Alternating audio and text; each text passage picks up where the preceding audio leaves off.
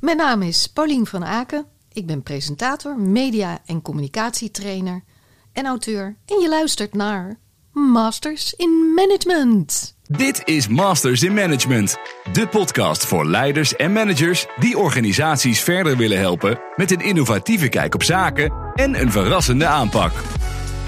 Deze podcast wordt je aangeboden door Skillstown, de online opleider voor professionals. Welkom bij deze aflevering van Masters in Management. Ik ben Peter van der Hout, programmamanager content bij Skillstown.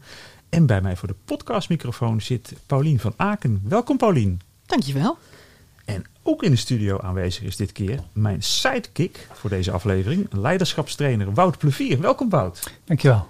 En waar gaan we het vandaag over hebben? Dat is natuurlijk de grote vraag. Nou, we kunnen er niet omheen. Zeker niet als het gaat ook om leiderschap en management in het bijzonder.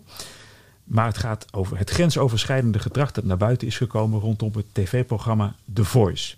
En dit heeft natuurlijk voor heel veel maatschappelijke ophef gezorgd. En CEO's en bestuurders van diverse organisaties hebben inmiddels bij hun medewerkers aangegeven dat zij willen werken aan een veilige bedrijfscultuur en een veilige werkomgeving.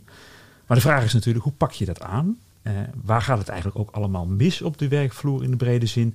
En wat moeten leiders en managers daaraan doen?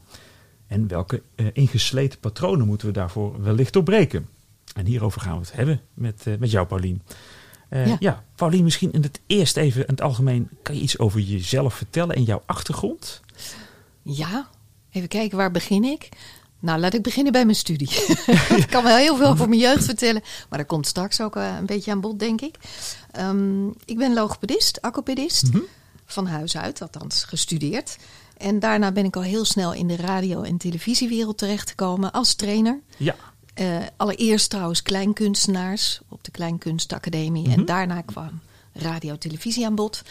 En vervolgens ruim tien jaar in de televisie gepresenteerd. Allerlei type programma's, studio, locatie. Ja. En boeken schrijven, hè? Ja, oh ja. ja. Luisterboek ook. Hè? Ja, nou ja, inderdaad. Ja. Eerst geschreven, het hele Ja. boek. En daarna dagenlang in de studio ingesproken. Dus mijn hele luisterboek. Wat wil je nou eigenlijk zeggen? Je bent zoveel meer dan je hoofd alleen. Vind je die een mooie titel? Mooie titel. Dat is het, het luisterboek wat je op dit moment eh, net, wat net ook... Echt net gelanceerd. Oké, kijk eens aan. Ja, En wat ik je net ook hoorde vertellen, je hebt een enorme achtergrond ook in de mediawereld. Dus die ken je eigenlijk van binnenuit, kunnen we best gerust wel zeggen. zeker wel. Ja, Ja. Ja. Ehm, ja, wat versta jij in het algemeen onder, wat zie je als goed leiderschap? Dus even los van het onderwerp van deze podcast, maar wat, hoe zou je dat omschrijven? Nou, ik denk dat het heel belangrijk is dat goed leiderschap is ook wanneer je persoonlijk leiderschap hebt. Mhm. Dus echt persoonlijk ook in je privéleven. Dan hoef je natuurlijk niet een leider zijn thuis, maar dat je, Ja. je die skills snapt. En eh, coachend en dienend leiderschap, daar ben ik enorme voorstander van. Mhm. Eh, en vooral in het belang van het grotere geheel van een bedrijf. Eh, een gezond bedrijf heeft natuurlijk zijn focus voornamelijk, als het goed is, op welzijn. En niet zozeer op welvaart. Daar in mijn ogen gaat het mis, ook wat betreft leiderschap. Ja, want wa- mijn volgende vraag is ook inderdaad, eh, als je zo rondkijkt in bedrijven waar jij komt of die je kent, eh, ja, zie jij dit vo- wel voldoende terug? Je zei net, van, het gaat vaak fout, maar... eh, wat- Nee, ik zie het zeker heel goed terug ook komen. Ik, ik train heel veel voor bedrijven zoals Achmea, eh, Nationale Postcode Loterij en Kiwa. Nou, dat zijn bedrijven die absoluut hun medewerkers heel veel eh, coaching en trainingsmogelijkheden bieden. Eh, en dat is zo ongelooflijk belangrijk, want je wordt niet met alle skills geboren. Nee, oké. En dat, daar kan ik echt, eh, nou ja, Ja, over meepraten. Dat je daar echt niet mee geboren wordt. Dus is het zo belangrijk dat je dat gedrag ook eh, leert. Want het is gedrag. Communicatie Ja, is ja. gedrag. En het verandert ehm, heel veel als je die skills snapt en begrijpt. En weet wat je ermee kunt. Ja, nou daar worden we ook wel warm van. En Wout, vast gaat om ontwikkeling van mensen. Ja, en de aanvulling op, op de vraag, hè, want het is natuurlijk servant leadership heb je natuurlijk, maar het, wil dus ook eigenlijk een, een beetje zeggen talentgericht leiderschap. Dat je, Zeker. dat je zorgt dat mensen tot eh, hun natuurlijke kern en, en, en natuurlijke voorkeur en talenten komen. Absoluut, absoluut. En ik denk ook juist dat het belangrijk is om gelukkige medewerkers te hebben op je werkvloer. Want gelukkige medewerkers brengen ook eh, gezonde financiële plaatjes. Ja, Want zo is het. ja. Dat zit aan elkaar gekoppeld. Dus Absoluut. eigenlijk. Ja. Dus Ja. daarom zeg ik, focus op welzijn. Hè, op, in de breedste zin van het woord van het Ja. bedrijf. Ja. Maar dit is best wel een paradigma shift dan. Hè? Dus stel je voor dat je in een eh, heel resultaatgericht eh, bedrijf werkt, Mhm. waar heel erg op KPI's wordt gestuurd Mhm. en op resultaat en omzet en misschien beursgenoteerd door aandeelhouders wordt gestuurd. Dan het focus leggen op welzijn kan een heel spannend onderwerp zijn. Absoluut. Maar zo nodig. Ja, Heel nodig. ja. Want we kunnen toch niet zonder medewerkers? Nee. Vind ik. Nee, vind ik ook. Ik, ik denk dat, eh, dat ja, het, het, het maakt het hart van een bedrijf. Hè? Exact. En daar gaat het om, het hart.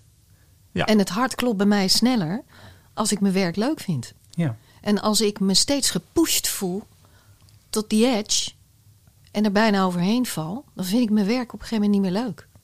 Nee, en dan dus op- ga ik energie verliezen. En dan denk ik op een gegeven moment, fuck het allemaal. Ja, dus op termijn levert het je uiteindelijk schade op als je voor die korte termijn zou gaan. Zeker. Puur op welvaart. Ja. Dan lever je in op wellicht op welzijn. En dan op de lange termijn ga je als Ja. organisatie er toch eigenlijk aan onderdoor. Ja, en ik zie het ook zo dat in het woord zegt het het al, hè? welvaart. Er zit een enorme vaart in dat bedrijf. Terwijl daar gaat het mis. Hmm. Als het up tempo gaat, slaan veel mensen stappen over. Dus worden heel veel stappen opnieuw uitgevoerd, omdat ze in het begin gewoon stappen hebben overgeslagen. Ja, oké. Ja. Zou je ook kunnen Ja. zeggen van, eh, hè, ook een beetje gerelateerd aan, aan gevoelige onderwerpen, eh, als een een boek waar jij over geschreven hebt, dat ehm, doordat er zoveel snelheid is, Mhm. denken mensen minder na, eh, gaan ze meer op de automatische piloot, zijn ze Mhm. misschien ook makkelijker beïnvloedbaar door eh, wat er in de omgeving gebeurt. Mhm. Misschien schakelt daar het gevoelig een stukje op uit. Terwijl als iemand juist tempo zou vertragen en zou even zo rustig zou nadenken, hoe voelt dit voor mij en klopt dit wel? Exact. Dan zouden heel veel mensen Hmm. misschien een ander beslissingspatroon Ik- volgen. Helemaal mee eens. Ja. Want het is juist het eh, voelen maakt dat je veel verder komt en dat je je hoofd ter ondersteuning gebruikt. Ja. En niet andersom, want dan gaat het vanuit eh, wilskracht en vanuit ja, ja. moeten en, en pleasen. En daar gaat het dan mis. Ja. En die energie gaat dan veel te veel in het ratio zitten en dus te weinig in het gevoelsleven. En we zijn gevoelsmensen, dus daar gaat het dan mis. En wat gebeurt er op de langere termijn? Mensen vallen om. En dat zie je hè, nu. Overal vallen mensen om. En steeds jonger. ja. Dat ik denk, dat is, ook- dat is een duidelijke trend. Wow. Ja, en we raakten het natuurlijk nu al een beetje aan. Eh, wat dat betreft is het bruggetje snel gemaakt naar het onderwerp van de podcast. Ja. Wangedrag op de werkvloer, grensoverschrijdend gedrag. eh, en dat kan gaan van seksuele intimidatie, MeToo, ehm, maar ook lichtere vormen. Ja, mijn eerste vraag is natuurlijk ook even aan jou, Paulien. Wat, wat heb jij met dit onderwerp? Ja, ik wil bijna zeggen, helaas veel te veel. Hmm, Ehm, ik heb heel veel meegemaakt op dat gebied. ja, Vooral privé ook. Maar net zo goed, zeer zeker ook op de werkvloer, in de media. ja, ja. Ehm, het begon bij mij al als klein meisje. En dat had te maken met, nou ja, pff, ik krijg er nog een kippenvel van. Maar goed, potloodventers, begluurd en betast worden in het zwembad. ja. Eh, rond mijn zestiende gedwongen seksuele handelingen moeten verrichten. En uiteindelijk rond mijn negentiende, en dat was de heftigste ervaring, eh, verkracht worden. Hmm. En dan ook nog in de sfeer waar je het juist eh, vertrouwt. ja. Dus door een aangetrouwde neef, die ruim tien jaar ouder was. Nou, sindsdien natuurlijk ook nooit meer gezien en gesproken. Maar dat heeft er zo ongekend Ja, ingehakt. ja. ja. Ja, dus het is heel duidelijk wat je hebt. Het, onder, Ja. ja. het onderwerp ja, beheerst jou ook op een bepaalde... Ja, nou, ik snap je vraag en die heeft me zeker Hm. En zeer zeker ook nog in de media, want toen had ik wel eens het gevoel van... Jezus, staat er op mijn hoofd, misbruik mij of zo? Want eh, door die ervaring worden grenzen zo aangetast. Ik had op een gegeven moment ook niet meer het gevoel van waar liggen mijn grenzen eigenlijk? Nee, oké. Dus, dus ehm, ja, weet je, daar waar iemand grenzeloos is geweest en over mijn grenzen is gegaan, dat tast je hele zijn, je ziel aan. Eh, Ik was op dat moment zeker beschadigd. En Ja. heel weinig zelfvertrouwen. En ik kon mijn waardes niet goed voelen. Kon mijn grenzen op een gegeven moment niet meer goed voelen. Dus hoe moet je het dan aangeven? Ik had heel veel angsten. Ja, ja. Ja, Maar je kwam dus eigenlijk wat je zegt, deze voorgeschiedenis. Vervolgens kom je dan, ja, wat je zegt, 19 en dan daarna kom je echt in, in het werkende leven terecht. Mhm. Kan ik me zo voorstellen. ja.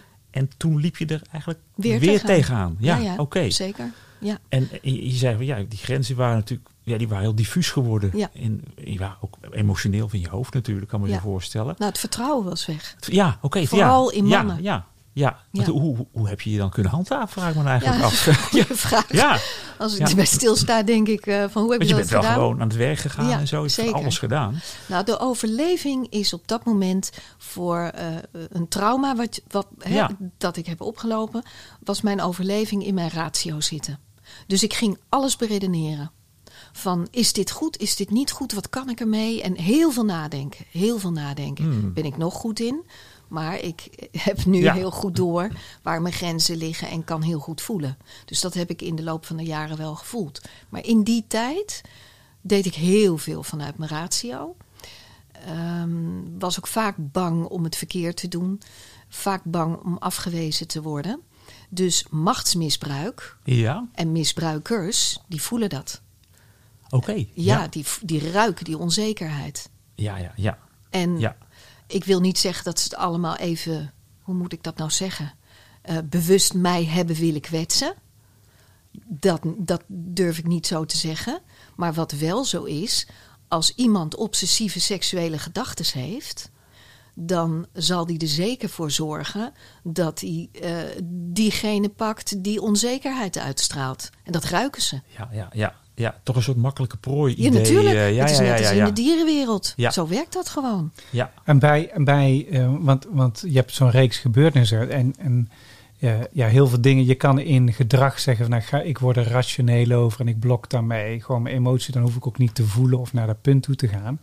Eh, maar je systeem werkt natuurlijk anders. Zeker. Wa- Ja. wat, wat heb je toen voor be- betekenis eraan gegeven aan die, aan die events waardoor je dat kon doen, zeg maar? Dat je rationeel gaat denken in plaats van eh, eh, Ja, dat is een goede vraag.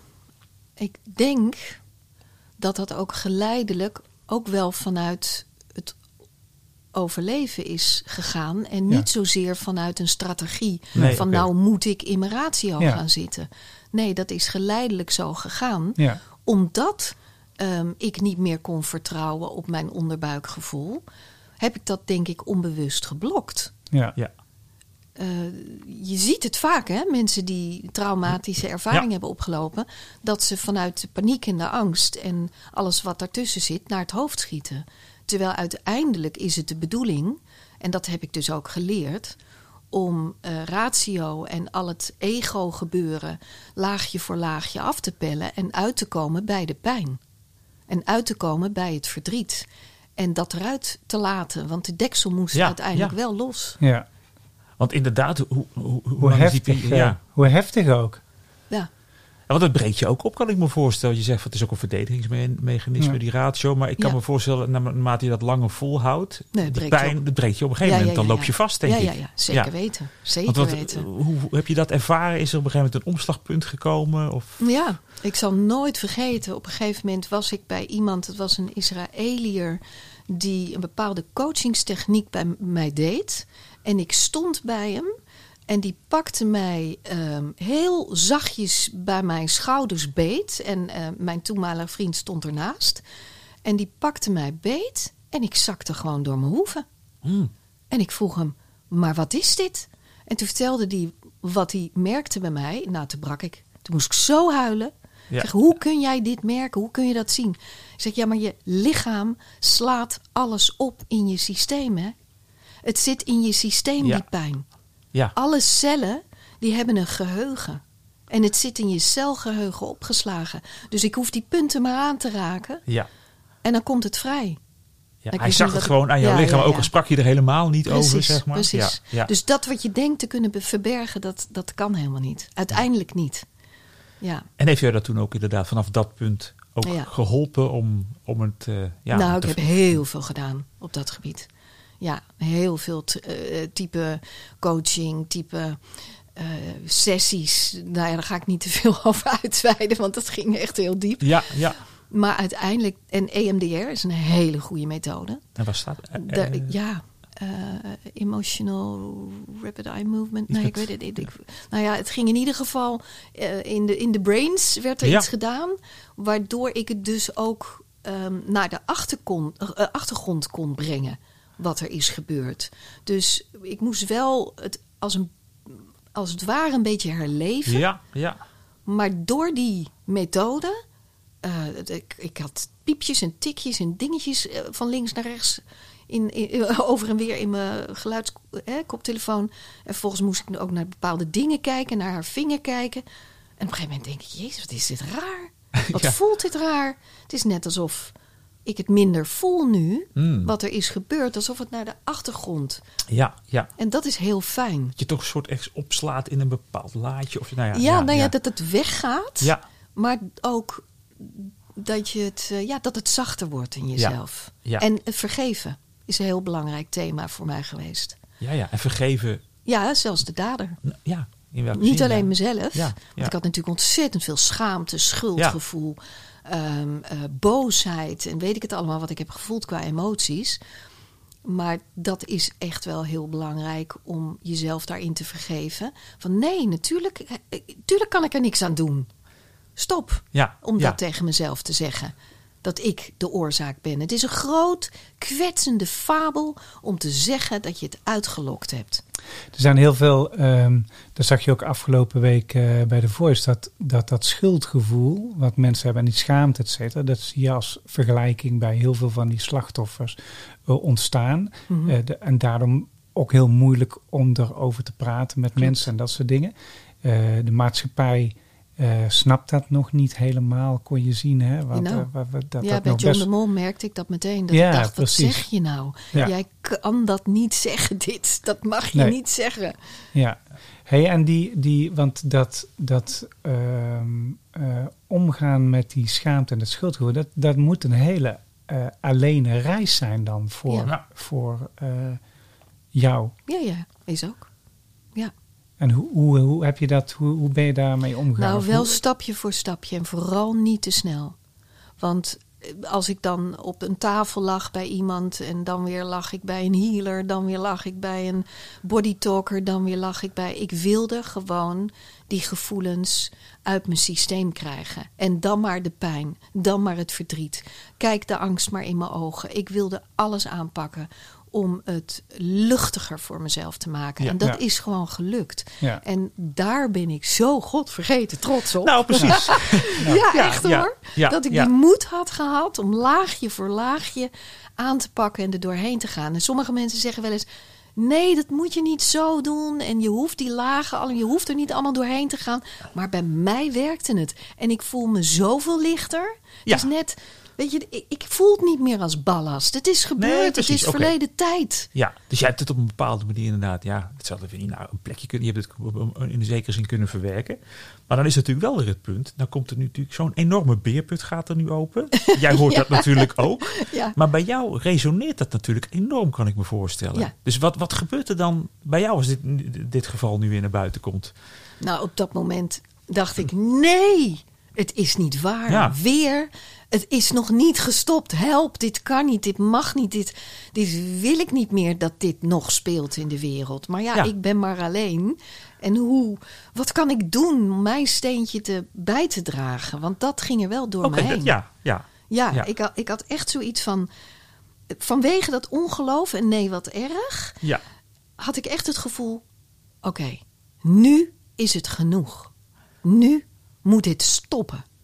Dit grensoverschrijdend gedrag. Ja. Dit is niet meer van nu. Dit kan niet. Ik had dezelfde gedachte als jij. Oh. Van, het is toch niet meer van deze tijd? Nee. Hoe, kan dit nou, hoe kan dit nou nog steeds bestaan, joh? Ja. En ik heb wel een idee waar dat nog steeds mee te maken heeft. Ja. Want er is nog steeds geen gelijkheid tussen vrouw en man. Nee, ik denk dat, dat Het is helemaal. Ja. totaal niet erg dat er verschillen zijn. Maar ehm, ja, hoe, hoe had ik dat nou in mijn hoofd? Ik, ik, weet je, het is. ehm, het, het, de gelijkheid, dat, dat dat er nog niet is, zorgt er ook voor dat er machtsverschillen zijn. Ja. Of hoe noem je dat? Ja. Machtsverhoudingen. Machtsverhoudingen. Ja, ja, ja. En daar zit het hem in. Ja. Ik, ik- ben niet minder dan de baas van RTL, SBS, welke zender dan ook. ja. Ik ben medewerker. En je hebt mij nodig en ik heb jou nodig. We hebben elkaar nodig. Ja. Je bent niet meer dan ik. Ik ben oké, jij bent oké. En ieder mens moet zien dat hij zelf oké is en dat de ander oké is. En Ja. dat je elkaar never nooit mag misbruiken voor je eigen gewin en plezier.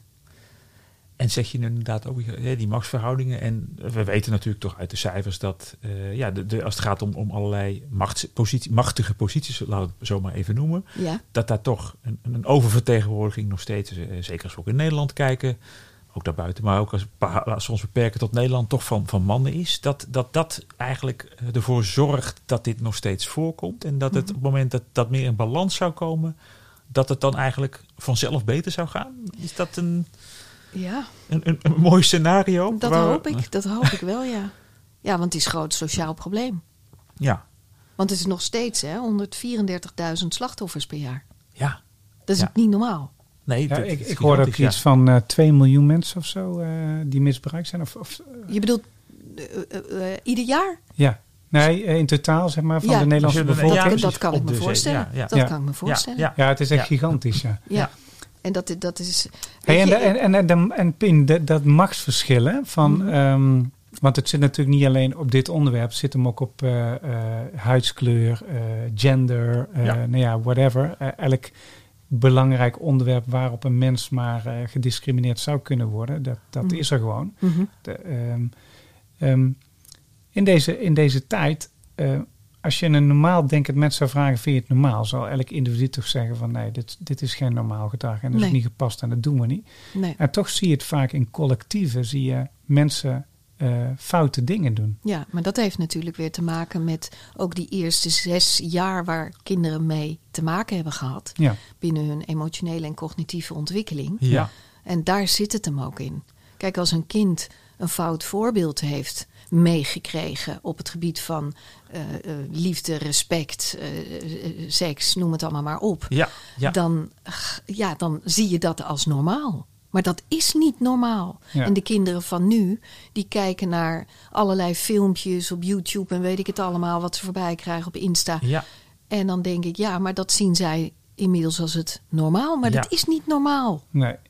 Dus, eh, ja, dus het vroeger, ja. Ja, en betekent dat Ja. dan dat, dat eh, in die, eh, ik weet nog, de balken en in destijds over de normen en waarden sprak Ja. van de maatschappij. En betekent dat dat eigenlijk eh, de Nederlandse bevolking daar opnieuw een beetje Ja. in opgevoed moet worden en Zeker. bewustzijn moet krijgen? Ja, en dat dat bewustzijn absoluut. en, dat, Wout. en dat er misschien overal wel ter sprake moet worden gebracht. Hè? Ja. Want, ehm, ja, ik weet nog, ik vertelde net in de pauze dat ik ooit een keer een baas had gehad bij BP. Die, die gaf ons drie regels mee waar we ons verplicht aan moesten houden. En er was, eentje was er van Clean Desk Policy. En als je het bureau niet had opgeruimd, dan gooi je het flikker die alles wat op je bureau werd in een container. Dan zag je mensen regelmatig in de container duiken. ja. En de tweede regel was eh, dat die, eh, iedereen moest terugkomen eh, op vrijdag. En die was verplicht om van half vijf tot zes uur aanwezig te zijn bij een borrel. Dat je dacht van, hè, verplicht aanwezig, wat, wat gedwongen. ja, voor die verbinding waarschijnlijk. Maar dat was voor de Ja. verbinding. En achteraf was dat eigenlijk heel erg goed, zeg maar. Want eh, dan werd er echt even gesocialized op menselijk vlak, zeg maar. Ja, En de, e- en, de- en de eerste regel die hij meegaf hij was van... eh, ik wil geen geflikvloer op de werkvloer. Je mag niet meereizen of optrekken met een vrouwelijke collega. En je behandelt ze met respect. Dat was eigenlijk de, de, regel, zeg maar. Nou dan krijg ik kippenvel. en daar werd, daar werd eh, heel stellig neergelegd. Terwijl Mhm. je denkt van, nou ja goed, ik kan toch wel met iemand mee fietsen. Wat, eh, Wie, gaat, wie gaat dat controleren? Ja. Maar ja, je hebt natuurlijk in, in gradaties van, eh, van als, als de regel heel duidelijk is, dan zal waarschijnlijk de opvolging ook iets beter opgevolgd worden. Terwijl Zeker. als er een schemergebied is, ja. dan kan dat vervliegen. Dat kan Klopt, ik me zo Klopt. voorstellen. Ja, je wil duidelijke grenzen. Hier ga je weer. Ja. Eigenlijk heeft het daar alles mee te maken. Ja, Ja, ja. Daar waar het grenzeloos voelt, gaan mensen, nou ja, gekke dingen doen. ja. ja. Zo ja, simpel ja. is het. En dat begint natuurlijk bij, bij de opvoeding. Ja. En grenzeloos bestaan. Eh, Dan zul je altijd over grenzen van anderen heen gaan. ja. Want je Ja. leert niet waar je eigen grenzen liggen. Je leert dan ook niet waar andere grenzen, Ja, ja. eh, andere mensen hun grenzen hebben liggen. Dus en op de werkvloer zijn er ook grenzen, protocollen, noem het maar. Maar het zit dus eigenlijk al in de opvoeding. Dus ik kan me wel zo voorstellen, dat maakt het probleem wel complex. Want dan, eh, dan kom je inderdaad in een organisatie, een groep mensen bij elkaar. Daar zijn bepaalde normen en waarden die daar zijn vastgelegd. En dan, komt, dan komt er weer een ja, cultuur. Daar komen er mensen in en uit. Die worden op dat moment met die cultuur geconfronteerd. Eh, maar dat, dat is natuurlijk, je weet, hun afkomst Mhm. speelt dus een grote rol in hun opvoeding. Zeker. Ehm, en die komen dan als het ware in een nieuw eh, speelveld. Ja, wat, wat zou je eigenlijk adviseren in dat geval? Want als ik dan even de draai maak naar managers en leidinggevenden, die spelen dan een cruciale rol. Komt een nieuwe persoon in het team. Ja, Nou, dan gaan ze. En, en, en HR speelt er natuurlijk ook een rol in. Wat onboarding, hoe is de cultuur van het bedrijf? Dat, dat klinkt allemaal een beetje als, als een, als een 1-2'tje. ja. Ja, en, so- en sommige dingen zijn natuurlijk heel helder. Hè? Ja. Weet je wel, bijvoorbeeld eh, we werken van zo laat tot zo laat. Of eh, ik noem Ja, maar iets. Hè? ja, Daar kun je ja. allemaal wel afspreken met elkaar. ja. Maar er zijn natuurlijk in cultuur ook dingen die eh, niet zo eh, helder worden afgesproken. Want eh, ik kan me zo voorstellen dat dit onderwerp op zoveel vla- niveaus zich begeeft. Hè? Eh, Ja, cultuur ja. van het bedrijf, eh, eh, normen, leefregels die ingezet worden, hoe mensen onboarding krijgen, of het wel of niet een open cultuur is die mensen met elkaar bespreken. Dus, maar bijvoorbeeld zo'n ding als bijvoorbeeld taal, hè, wat Mhm. ook bij diversiteit en inclusiviteit een heel belangrijk ding is, dat mensen heel vaak in taal verkeerde voorbeelden zien. Hè. Bijvoorbeeld in de hedendaagse rap. Ja, daar wordt helemaal niet vriendelijk met eh, vrouwen omgegaan en dat soort dingen. En, en ik kan me Een voorstellen... grensoverschrijdend taalgebruik, zullen we Ja, maar ja, zeggen. ja, ja, zeker. Ja. En Dus dat is de- dus de- weer seksuele intimidatie in feite. Ja, ja. Dus als we dan naar de vraag van, van Peter gaan, van, eh, wat, wat kun je dan in een organisatie doen om dat te dichten of te beslechten met elkaar? Zeg Wow, dat, zeg ik dan ja, goed, ja, Peter? Ja, ja, Ja, ja. precies. Ja, ja, ja, ja. Nou, Ja. ik, ik denk dat het heel belangrijk is dat het ehm, protocollen zijn die heel makkelijk te implementeren zijn in het bedrijf. En dat die gefocust liggen op veiligheid, op vertrouwen, op Ja. respect. En daar kun je heel veel over zeggen. Ja. En dat er ook reprimandes zijn. Dat mensen ook kunnen voelen van wat gebeurt er als ik die grens overschrijd. Ja. Ja.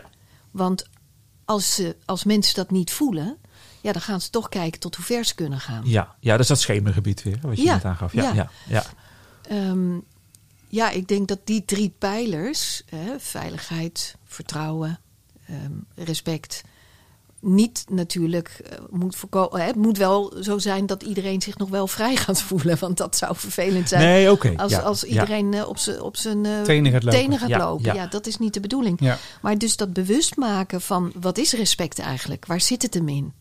En dat moet je gewoon heel breed trekken Ja. in dat bedrijf. Eh, maar ja. Maar dus ook met elkaar misschien wel omzetten in eigen taal. Hè? Dat je het met elkaar doorspreekt. Van wat verstaan we er onder Ja. en wat verstaan Ja. we er niet onder. Wat, wat, wat is een schemergebied waar we echt van af moeten? Eh, Precies. En, en, hè, in omgangsvormen, wat betekent dat dan, dan mogelijk? Hè? Want Ja. dit kan natuurlijk heel makkelijk een papieren tijger worden. Want dit is natuurlijk ook precies wat John de Mol ook zei. Van, ja, we hebben daar protocollen voor. Dat is allemaal afgelegd. Dus het, is- die, die nam dat. Ja, nee, dit is vanzelfsprekend. en Het is allemaal vastgelegd in regels. Ja. Maar dat is Ja. belangen na niet voldoende om, om, Nee. om nog zo'n excess te voorkomen. Nee, ik denk, ik, ik denk, kijk, op de eerste plaats is het heel belangrijk dat een leidinggevende zorgt dat hij altijd er is voor degene die iets overkomt. Mhm. Dat hij hulp aanbiedt. Dat het belangrijk is dat er een externe partij ook is die er naar Ja. kijkt als het echt heftige situatie is.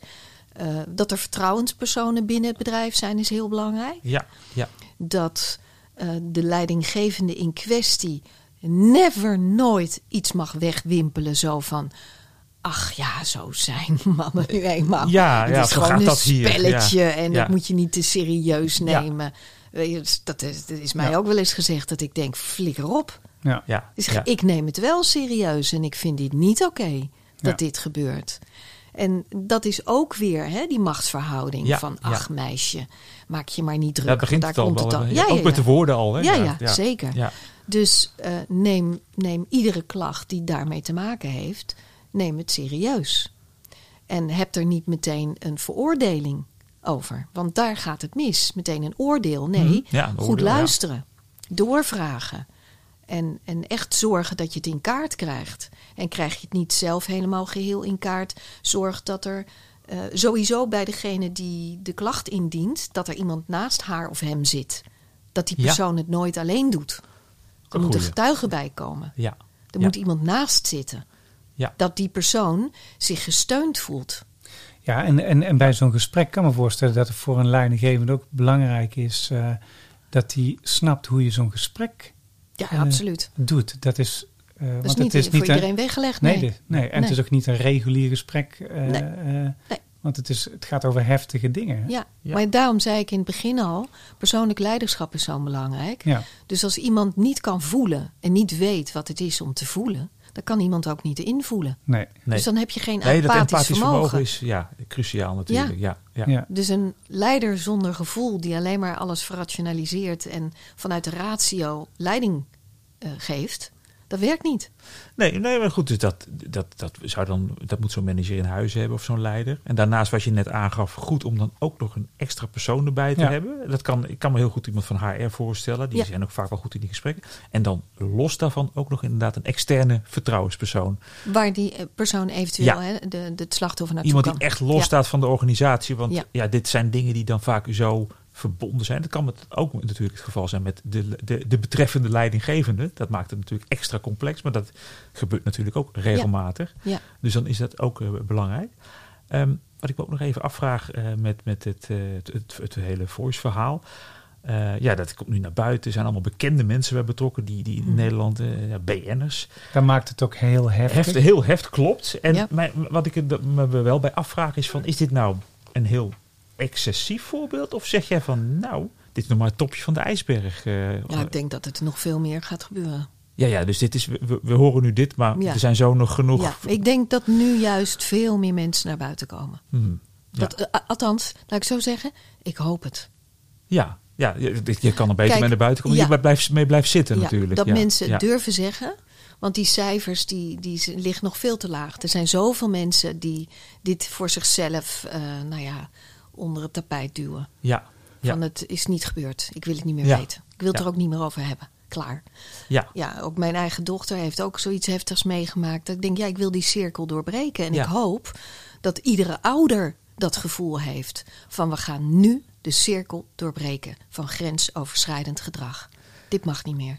Hey, en, en ehm, ehm, want ik ben, ik ben het daarmee eens, hè, want die lijn moet gewoon getrokken worden. En, eh, en, en mensen hebben daar eh, inzicht nodig hoe, dat, hoe je dat kan doen. En, en we moeten mensen ook ja, in die zin mobiliseren om het vooral te gaan doen. Hè. Dat, Mhm. is heel belangrijk.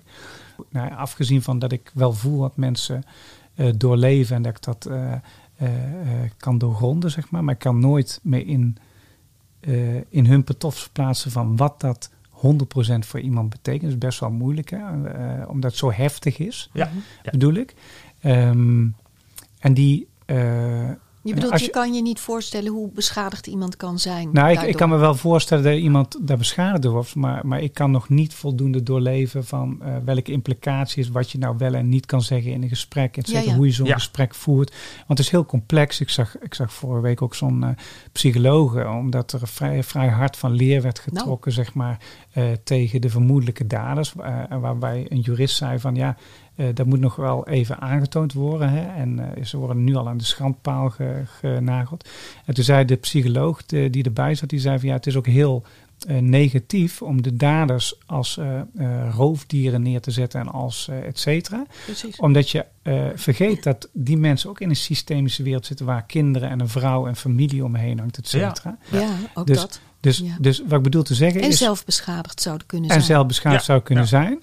En, en het schijnt ook te zijn dat eh, eh, als je dat mensen op die manier gaat neerzetten, dat dan de kans dat ze het juist gaan doen of meer gaan doen gaat toenemen. Dus Oh dat ja? is dus heel. Omdat we er dan energie in stoppen. Ja, waarschijnlijk. En omdat ze in een ver- verdringhoekje komen te zitten, et cetera. Hmm, Oké, ja. En wat ik bedoelde zeggen, en eh, waar ik met de vraag naartoe was, van, van ehm, dit vergt best wel wat psychologisch inzicht in de mens, maar Mhm. ook in hoe je zo'n gesprek aanpakt, kan Ja. ik me voorstellen. Ja. Hoe, leren, hoe leren we dat mensen? ja, ja. Afgezien van, van dat ik Mhm. 100% echt belangrijk vind dat het gaat gebeuren, zeg maar. Mhm. Snap je mijn vraag? Of Ja, mijn- zeker, zeker Ja. weten. Kijk, ik weet alleen al op de opleiding hoe lastig het af en toe was om dit soort gesprekken te voeren. Ja. Met eh, zogenaamde patiënten die met iets kwamen en wij moesten invoelend zijn en doorvragen en alle technieken toepassen. Ik weet als geen ander hoe, hoe lastig dat kan zijn als het Ja. niet meteen van nature eruit komt. Ja. belangrijkste is dat je er bent. Dus met een luisterend oor, in stilte, Oordeelloos. oordeelloos. Ja. En daar waar de ander aan het praten is. Maar het kan ook iemand zijn die tegenover je zit en zegt: Ik heb iets gedaan wat nooit had mogen gebeuren. Mag ik daar met jou over praten? Hmm, praten? Dan betekent het ook dat je iemand niet meteen veroordeelt. Want iemand is zo moedig, maakt niet uit of je de dader van iets bent of het slachtoffer. Eigenlijk ben je alle twee beschadigd. Ja. Dus luisteren. Vooral luisteren. Oordelen, uitzetten. Ja. En vooral ook dingen opschrijven voor jezelf als je in het gesprek zit. Ja. En herhalen. Hè, ik zeg ook wel eens doe aan LSD. Luisteren, samenvatten, doorvragen. Dus, oh, wacht even. Ik hoor je net zeggen dit en dat en zus en zo is gebeurd. Schrijf die feiten op. Heb ik dat goed begrepen? Check het. Ja. Dan alleen al voelt die ander... Oh, wauw, ik word gehoord. ja. En dat is, dat is fundamenteel Ah, ja. het belangrijkste. Het belangrijkste is of je nou de dader bent die moedig genoeg is om te vertellen wat hij heeft gedaan, of het slachtoffer, maakt niet uit. Je bent moedig. Je zit daar en je vertelt je verhaal. En je toont je gevoel. Dat kan zijn berouw, dat kan zijn schuldgevoel hebben, dat kan zijn angst. Whatever je toont, het is je gevoel. Ja. Dus Ik snap wat je bedoelt, ja. ja. ja, Maar dat vind ik voor jou. Ik vind jou ook moedig. Heb ik altijd al gevonden. Maar, maar Ja. dat vind ik nu helemaal... Ja, nee, Ja. dat vind ik nu helemaal. Het, het, eh, weet je wel, het, het, het, eh, het raakt me ook, weet je wel. Dan merk ik, eh dus, eh, ja. Niet doorgaan nu hoor. Nee, We moeten bij het onderwerp blijven. nee, dat, Nee, dat nee, mag nee, ook maar zeker. goed, tuurlijk, Maar- tuurlijk, ja, tuurlijk. maar Maar, die voel ik, ja, ja, Ja. ja, die voel ik ook Ik, vaak. ik denk dat we op zich binnen. ja, wel goed ook hebben omschreven van wat het vraagt van, van de manager of van leidinggever. Iemand die op die stoel zit en eh, luisteren en dat gesprek voeren. Maar als ik dan ook weer even kijk naar, eh, naar de leider of naar de organisatie als geheel. eh, wat zijn eigenlijk nog andere randvoorwaarden die je nodig hebt om zo'n veilige werkomgeving te creëren? Want ik denk dat CEO's denken van oké, ja, die, die, die manager heeft er een belangrijke rol in. Die zit dicht te- bij die medewerkers. Mhm. Maar die kijkt natuurlijk ook nog een, op een, op een, met een helikopter over zijn organisatie. Denkt, wat moet ik nog meer regelen? Protocol hebben we net ook al genoemd. Mhm. Maar zijn er wel echt nog andere dingen die... je- Nou ja, en, en, en de hulp inroepen. Hè? Nooit denken dat je het helemaal alleen hoeft te doen. Of je nou manager bent Ja, of, of hè, degene die eh, zo moedig is om, om, om zijn verhaal te doen. Jeetje, wauw. Daar heb ik niet 1, 2, 3 nu een We antwoord op. We zitten te denken iets in de bedrijfscultuur. eh, want dat is natuurlijk een hardnekkig ding. We hebben het net al Mhm. gezegd. eh, nou ja, die communicatieskills, ja, die door uitrollen overal in de organisatie. Maar natuurlijk ook helemaal, zelfs bij de aandeelhouders. En daar wordt niet altijd naar gekeken. oké. Die kan je dat toelichten? Nou, dat wil ik heel graag toelichten. Aandeelhouders hebben een heel groot belang. Ja, Financieel belang. ja zeker. Ja. Het interesseert ze af en toe geen ene reet wat er Dit, gebeurt dit op de werkvloer. onderwerp. En dus wat er gebeurt. Ja, in het algemeen wat er gebeurt op de Nou, werkvloer. het, Ja. het moet ja. echt een mens-mens zijn in de aandeelhouderscultuur die het wel interesseert. Ja, ja. Want ze zijn uit toch ook wel op winst. ja, En eh, eventjes, ik ga ze allemaal nu eventjes over een kam Ja, nee, dat snap heb je door. Ja. Misschien er zitten heel veel goede aandeelhouders Ja. bij. Maar het is belangrijk dat deze die skills ook, dat zij die skills kennen. ja, ja. Want zij hebben ook weer degene die hun rapporteert. Hè? Want, eh, want eh, Ja. uiteindelijk uh, de CEO's en de CEO's die moeten natuurlijk ook Ja. uh, hun verantwoording hun- afleggen, ja. verantwoording afleggen. Nou ja, dan moet natuurlijk ook een invoelend vermogen zitten in helemaal uh, de cultuur van de aandeelhouders. Maar nu je dat zo zegt, ja, dan is natuurlijk de dan een, een voorbeeld bij uitstek. Want die aandeelhouders gaan het nu wel voelen. Want dat programma is natuurlijk gewoon Precies. ingestort. Het is ook een ramp voor RTL. Dus als het gaat om aandeelhouders. Ja, Ja, die- ja. Nou Helpt dat nu, denk je, van dat het Ja. nu... ja, toch Ik wel. het imago-schade is gigantisch. Ja, dus ja, imagoschade is de grootste schade voor aandeelhouders. ja, ja. Dus wat dat er gaat, denk ik, ja, nu, nu een, ik hoop dat er echt een, een enorme boost aan bewustzijn komt daar binnen dat bedrijf. Ja, En wat nu het zo zegt ook. Als, we, we, we hebben natuurlijk al een paar jaar terug is, is, is me- de MeToo-media-hype, noem ik het maar even, begonnen. Toen dachten we van wauw, het onderwerp staat op de agenda, bewustwording wordt Ja, dan zakt het weer weg. Ja, nou, precies wat je zegt. Dus, dus ik vraag me nu af, van nu hebben we dit, we zitten er nu middenin. Denk je dat dit eh, wel inderdaad een effect heeft, een blijvend effect, laat ik het zo maar even noemen? Nou, wat ik hoop is dat, dat het wel door blijft te zingen nu. Ja, Omdat ik heb een vermoeden dat er nu steeds meer mensen ook naar buiten gaan komen met hun verhaal. ja Dat dat, is wat sowieso wat we nu in de laatste Het weken enige, horen. Ja, is, het enige is, de media wordt er op, op een gegeven moment dan ook moe van. van. En die gaan dan weer zeggen, nou daar hebben we al genoeg over gesproken. Ja, ja oké, ja. Snap je? ja. Dus het en dan echt- lijkt het weer. Ja. Ja, dus het moet echt een plekje krijgen. En hoe bedoel je die? Nou, in de zin van. ehm, kijk, ik zat eh, de week nadat The Voice was. eh, in mijn eh, band zijn we bezig met audities. En toevallig zit eh, een van die zangeressen die nou aan The Voice meedoet. Die, die, eh, die auditeert bij ons. Ja? En ehm, eh, wat je net zei, dat het is, het is onderdeel van de cultuur. Wat wil zeggen, dat is van onder tot boven. Ja. Dus van de mensen op de werkvloer, de Ja. teamleider, de. HR-afdeling, staf, eh, communicatie, eh, managers, middelmanagers, CEO's, COO's, aandeelhouders, de hele rimram. Ja. En dat betekent ook als je eh, kijkt naar een programma als The Voice, er worden regelmatig worden daar kandidaten gewoon afgeslacht. Nou, toevallig die zangeres die wij op auditie Respectloos. Echt Ja. respectloos. respectloos afge, afgekat, zeg maar. En ik vind, eh, eh, eh, maar dat is gewoon een persoonlijke mening, dat als je de cultuur rondom netjes omgaan met elkaar gaat aanpakken, dat je ook zeker moet zorgen dat dat gebeurt in de format hoe je dat, dat programma op een nice Hmm. manier Ja. vormgeeft. Want waarom zou je een kandidaat eh, afslachten als die even een uitglijden maakt qua stem? Precies. Moet je hem dan helemaal met de grond gelijk maken? Nee, natuurlijk niet. Het is een tendens. Het is alleen maar voor de kijkcijfers. Ja, Het is allemaal Ja. onzin. Dat hoeft helemaal niet. Weet je, jij zei op een gegeven moment in een gesprek tegen mij, vond ik zo mooi. Het is niet zo moeilijk om aardig te zijn. Nee. En, en eh, eh, nog iemand die ik heel goed ken, die zei: Je hebt eigenlijk maar twee spiertjes nodig Ja. om je mond in een lachstand te zetten. Ja, ja, ja. En zo is het. Ja. En, en weet je, vriendelijkheid, dat is niet moeilijk, Nee. toch? Nee. Maar ik denk goed. het ook niet. Ik denk, dat, ik denk dat het voor elke mens makkelijk is. En, dat, en, en, waar, en waar ja, de maatschappij en onze cultuur misschien een beetje vanaf moet, is dat heel erg drukken op die resultaten en op het geld en op het. eh, want eh, Snel wat jij zei, snel ja. scoren. Welvaart. eh, de, de Ja. kijkcijfers zakken Ja. in elkaar. Waarom niet gewoon een heel leuk programma maken waar je samen in gelooft? En natuurlijk, dan is de kijkcijfer Mag ik iets jou een meer. go- mooi voorbeeld geven van een fantastisch programma? Het is toevallig ook een vriendinnetje van mij. Boer zoekt vrouw. ja. Mhm.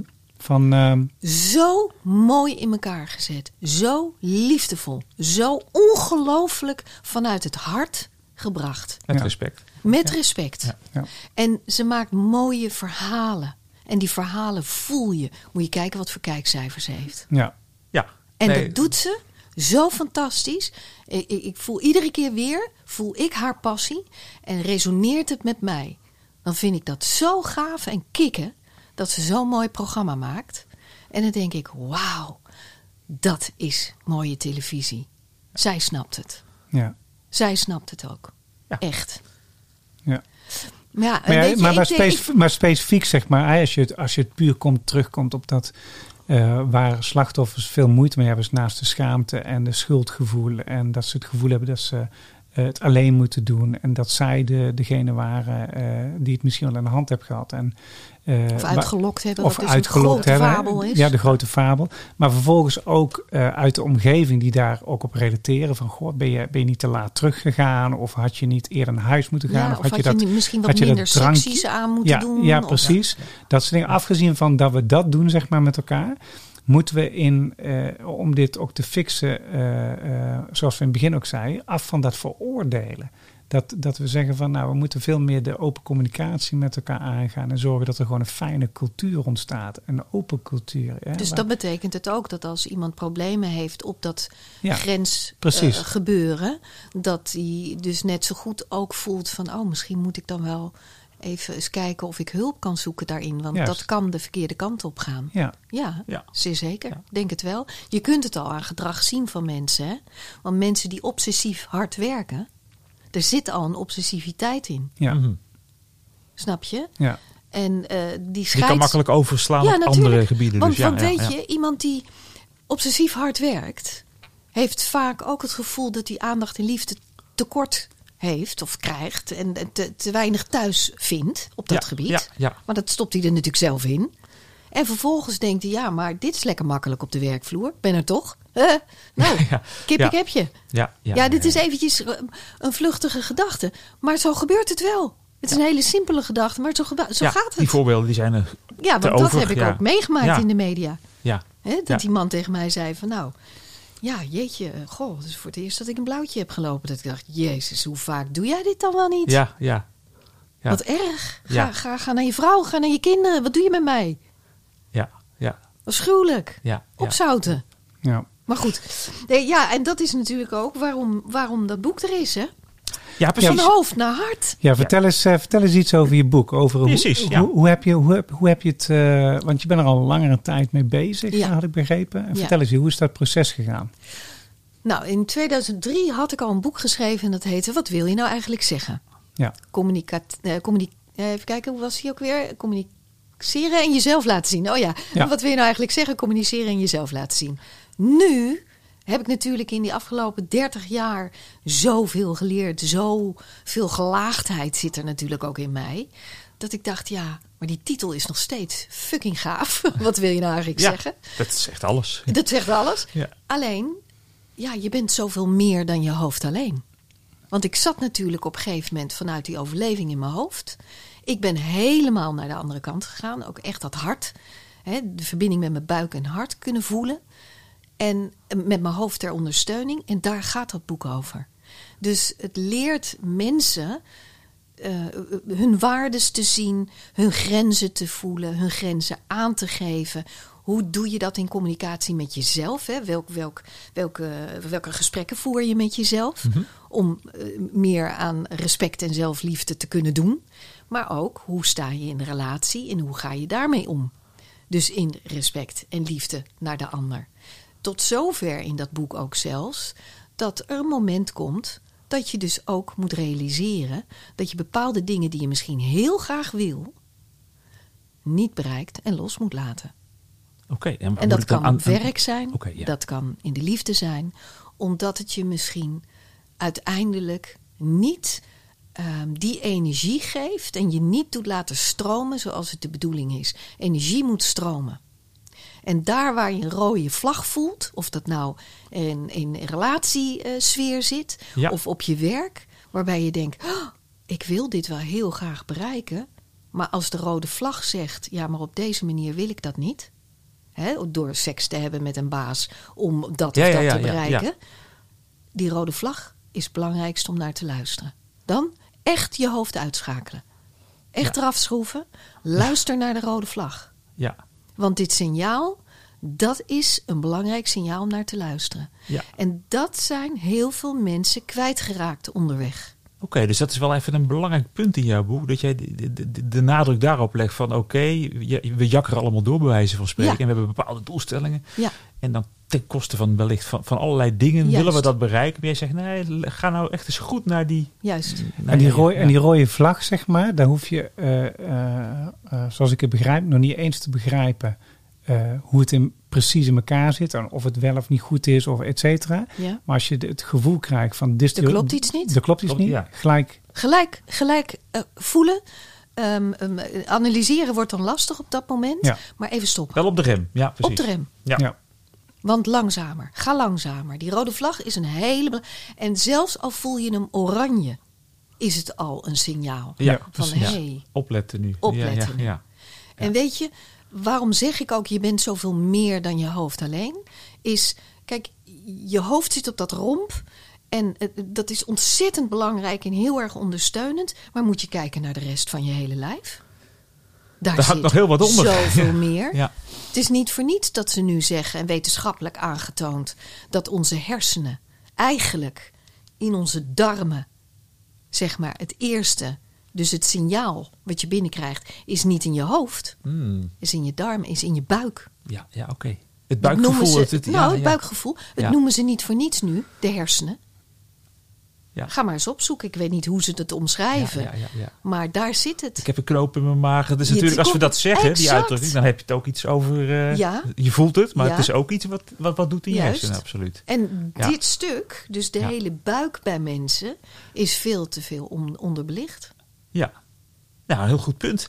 Brengt ons Ja, het is te zweverig. Daar wil Nou, ik niet nee, naartoe nee. misschien. Nou, wat, wat, wat, wat, ik, wat ik wel een. eh, eh, ik heb een aantal rubrieken altijd in Masters in Management. Dus daar komt er nu eh, één aan. Dat is deze. Successen en missers. Ja, normaal vraag ik dan naar de successen en missers van mijn gast. Maar in dit geval dacht ik, we passen hem eens wat anders toe. Want ik eh, wil hem inderdaad heel praktisch maken op deze podcast. En eh, dan is eigenlijk de vertaalslag die ik nu maak. Ja, wat is dan in, in jouw ogen de grootste misser die een, een manager hè, in het algemeen kan maken als een medewerker zich bij, bij hem of haar meldt vanwege vermeend grensoverschrijdend gedrag van een collega. Dus op die werkvloer. Ja, ja. In feite komt het er weer op neer. Hè? Niet, niet willen luisteren, geen tijd nemen, geen aandacht. Ja, Geen aandacht geen aandacht. Het Te weinig, weg proberen te wimpelen. Eh, ja, denigerende opmerkingen Ja. maken. Wat ik al eerder aangaf. Precies. Ja, dat is een no-go. Juist. Die En dan is het meteen weer de rode vlag voor degene die daar zit in die ruimte. Die moet meteen voelen: dit is niet de persoon waaraan ik mijn verhaal ga doen. Juist. Dus ook niet verder gaan. Dit is, als je weerstand voelt, al- als je tegenover zo'n manager zit die jou probeert weg te Ja, wimpelen, ja. Die weerstand die je bij jezelf al voelt, is al het signaal wegwezen. Is niet de juiste persoon. Je hoeft niet met iedereen je verhaal te delen. Zeker niet met iedereen je achterste van tong laten Nee, nee, precies. Ja. En in, ja. in die zin mag je dus ook compromisloos erin zijn. Ik had, ik had eh, een tijdje geleden iemand in eh, mijn podcast die zei, en dat ging dan over duurzaamheid. Hij zegt, ik heb eh, ooit in een gesprek gezeten, moest ik iets voor elkaar krijgen. En ik had besloten dat ik dat niet wilde.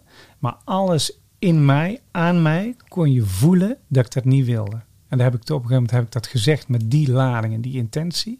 En toen werd er ook op bijgestuurd. Want toen toonden mensen er ook begrip voor, et cetera. Dat is natuurlijk niet zo'n diep beladen onderwerp als Ja, maar als toch, het is onderwerp. prachtig. Ja. Maar, maar dat compromislijst, als je de oranje of de rode vlag voert, dan is het gewoon no-go en gewoon eh, eh, gas terug.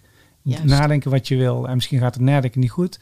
Maar in ieder geval het stopzetten van het proces wat er Ja. op dat moment speelt. Dat is Ja. belangrijk. Absoluut, absoluut. Heel mooi. Ja. Ja. Nou, dat brengt me meteen ook bij het succes dan inderdaad. Hoe zou, hoe zou een manager het juist wel moeten doen? Wat zou nou een voorbeeldgedrag zijn? Ja, inkoppertje natuurlijk. De zaak serieus nemen. Empathisch zijn. eh, hoog op de agenda zetten. Mhm. Iets wat besproken wordt, wat heel belangrijk is. Wat niet alleen belangrijk is dat er überhaupt speelt bij deze medewerker.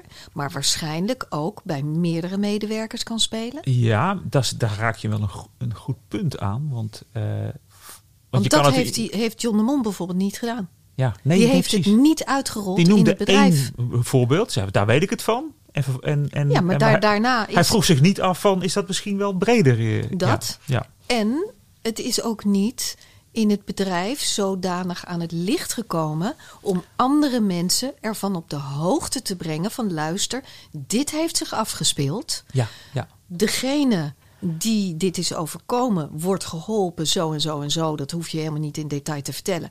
Maar die krijgt ondersteuning bij dit proces. En degene die het is aangegaan, die hebben we eventjes flink eh, onder vuur genomen. Of hoe zeg je dat ook alweer? En eh, daar, die ja, daar zitten consequenties aan. Wat me nu wel, en we gaan er ja. nu mee verder door dit bedrijf om dit aan te pakken. Je zegt dat nu, en dan vraag ik me af, eh, als ik me even in die manager verplaats, die denkt, oeh, ik hoor nu dit verhaal. Eh, ja, ik neem het serieus. Maar je hebt natuurlijk toch wel even het punt, de, de hoor en wederhoor zullen we maar even zeggen, de betre- betreffende persoon, de dader tussen aanhalingstekens, of de mogelijke dader. Eh, in hoeverre moet je dit nu gaan onderzoeken of laten onderzoeken, of moet je het advies geven aan de betreffende medewerker van, eh, ja, je moet hier wel aangifte van doen- aan- voor doen. Of wat, hoe, hoe, hoe zie jij Ja, dat, dat? ha- afha- afhankelijk natuurlijk wat, wat er is gebeurd. Maar ik Ja. zou zeker wel eh, die, die onafhankelijke partij benaderen. Ja. En dan met die onafhankelijke partij bespreken van... eh, ja, is dit een zaak die ik kan aangeven. Ja, dus echt die vertrouwenspersoon Ja, ja, ja, ja, aanhaken. Ja, ja, en, en, die en- moet aangehaakt worden. Ja, ja, want die heeft Nooit als eigenlijk- manager ook het alleen willen oplossen. Precies. Moet je ja, niet doen. Ja, en die, die, en die kan die vervolgstap zetten om te kijken van oké, hoe moeten we hier nu mee verder? Eh, als het gaat om het onderzoek, de, de, Ja. de, de vermeende daden erbij betrekken. Ja. Al dan niet aangifte, ik noem maar wat. Ja, Ja. oké. ja. Ja. Ja. dat is wel even een hele praktische. Want ik kan me Ja. voorstellen dat manager denkt, oeh, wat moet ik, wat moet ik nu doen? Ja. Zeg maar, heel concreet. Ja. Hey, en als je, eh, want daar zat ik ook nog aan te denken. Ehm, eh, stel je voor dat de, de dader, hè, wa- want je gaf in het begin ook aan van er moet open communicatie zowel met de dader zijn als met de eh, Slachtoffer. slachtoffer. En het moet ook eh, verteld worden wat er gebeurd is richting bedrijf. Ja, het- zonder namen te noemen. zonder Ja, naam ja. te noemen. Ja, dat is, dat, dat is een hele belangrijke, want anders krijg je namelijk eh, eh, eh, andere soort reacties Ja, ja. daarop. Dat is, dat is ook een heel eh precair proces, hè? Ja, want je wil geen angstcultuur creëren. Nee, je wil ja. niet slapende honden wakker maken. En tegelijkertijd, als het niet besproken wordt, gonst het sowieso toch wel door. Ja, dat is bij natuurlijk eh, in de Voice eh, werd dat ook eh geduid, Ja. natuurlijk. Ja. Even kijken, en ehm, En weet je, als je het niet aanraakt, namelijk in het bedrijfsleven, dan lijkt het net alsof je het met de mantel der liefde bedekt. Ja. En dat is ook een no-go. Ja. Voor als leidinggevende is dat gewoon ja, een misser. ja. Eh, als we dan eh, toch teruggaan naar het compromisloze. Dus dat je zegt van we sluiten geen compromis op. Ehm, je hebt natuurlijk dingen, dan zou je misschien denken van nou, dat kan toch geen kwaad. Weet je wel, iemand maakt een grapje, Mhm, kan geen kwaad. Dan heb je iemand die maakt een grapje, daar zit een seksueel randje aan. mhm. Dat is een, eh, misschien een no-go, weet je wel. Maar goed, mannen onder elkaar Ja, maken waar vaak ligt de scheidslijn? dus hoe, hoe, hoe trek je die scheidslijn en hoe, maak, hoe zorg je dat je. Ja, ik, ik ben eigenlijk zoiets van, nou, eh, geef iedereen duidelijk aan, dit kan wel en dit kan gewoon absoluut niet. Als je, Ja, maar weet je, weet je, kijk, dan kan ik een voorbeeld noemen. Ooit een eindredacteur eh, redacteur zei tegen mij: Van Paulien, wordt het niet eens tijd? Weet je, ook bij de visagie, je kan best wel wat meer make-up gebruiken. Je ziet er al prachtig uit, maar weet je, een, een, een diva is, is eh, heerlijk voor Ja. de man om naar te dit kijken. lijkt heel, heel Oké. en een blouseje en een blouseje iets meer open. Weet Ja. je, meer, meer bloot is natuurlijk wel fijn voor onze zender. Je kent het, hè, Ja. mannenpubliek. En toen zei ik, ik, ik, ik keek hem aan en ik zei: Hallo, ik presenteer het nieuws. ja. Ja, Wat wil je van me? ja, En toen zei hij, nou, maar we zijn wel een commerciële zender. En we willen die doelgroep bereiken. En jij hebt nu eenmaal mannen die naar je kijken.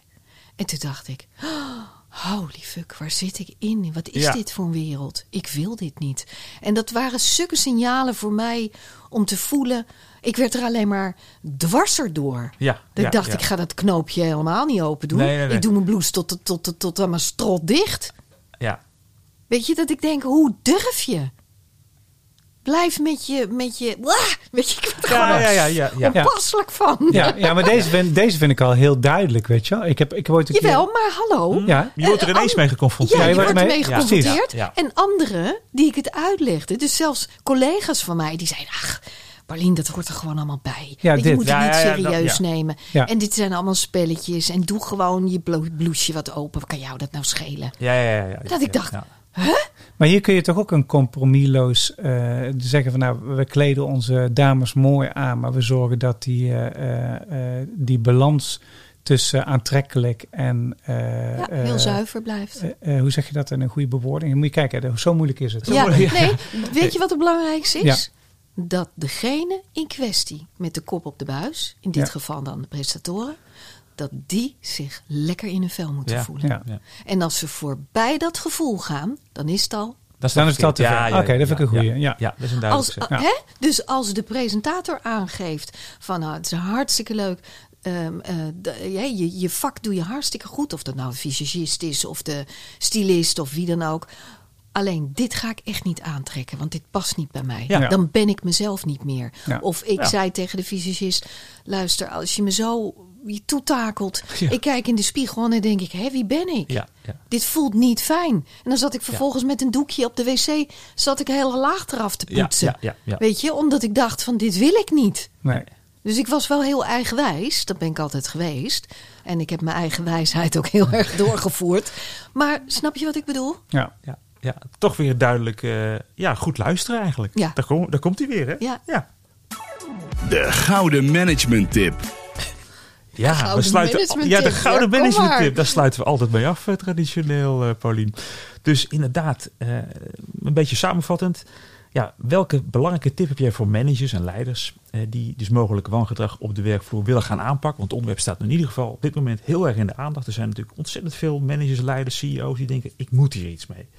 En eh, ze hebben van allerlei dingen op zich al wel geregeld. Er zijn protocollen, et cetera. Er zijn ook vertrouwenspersonen. Maar ze denken: ja, ik wil meer doen nu. En ik wil een eerste stap zetten. Een signaal geven dat ik dit serieus neem.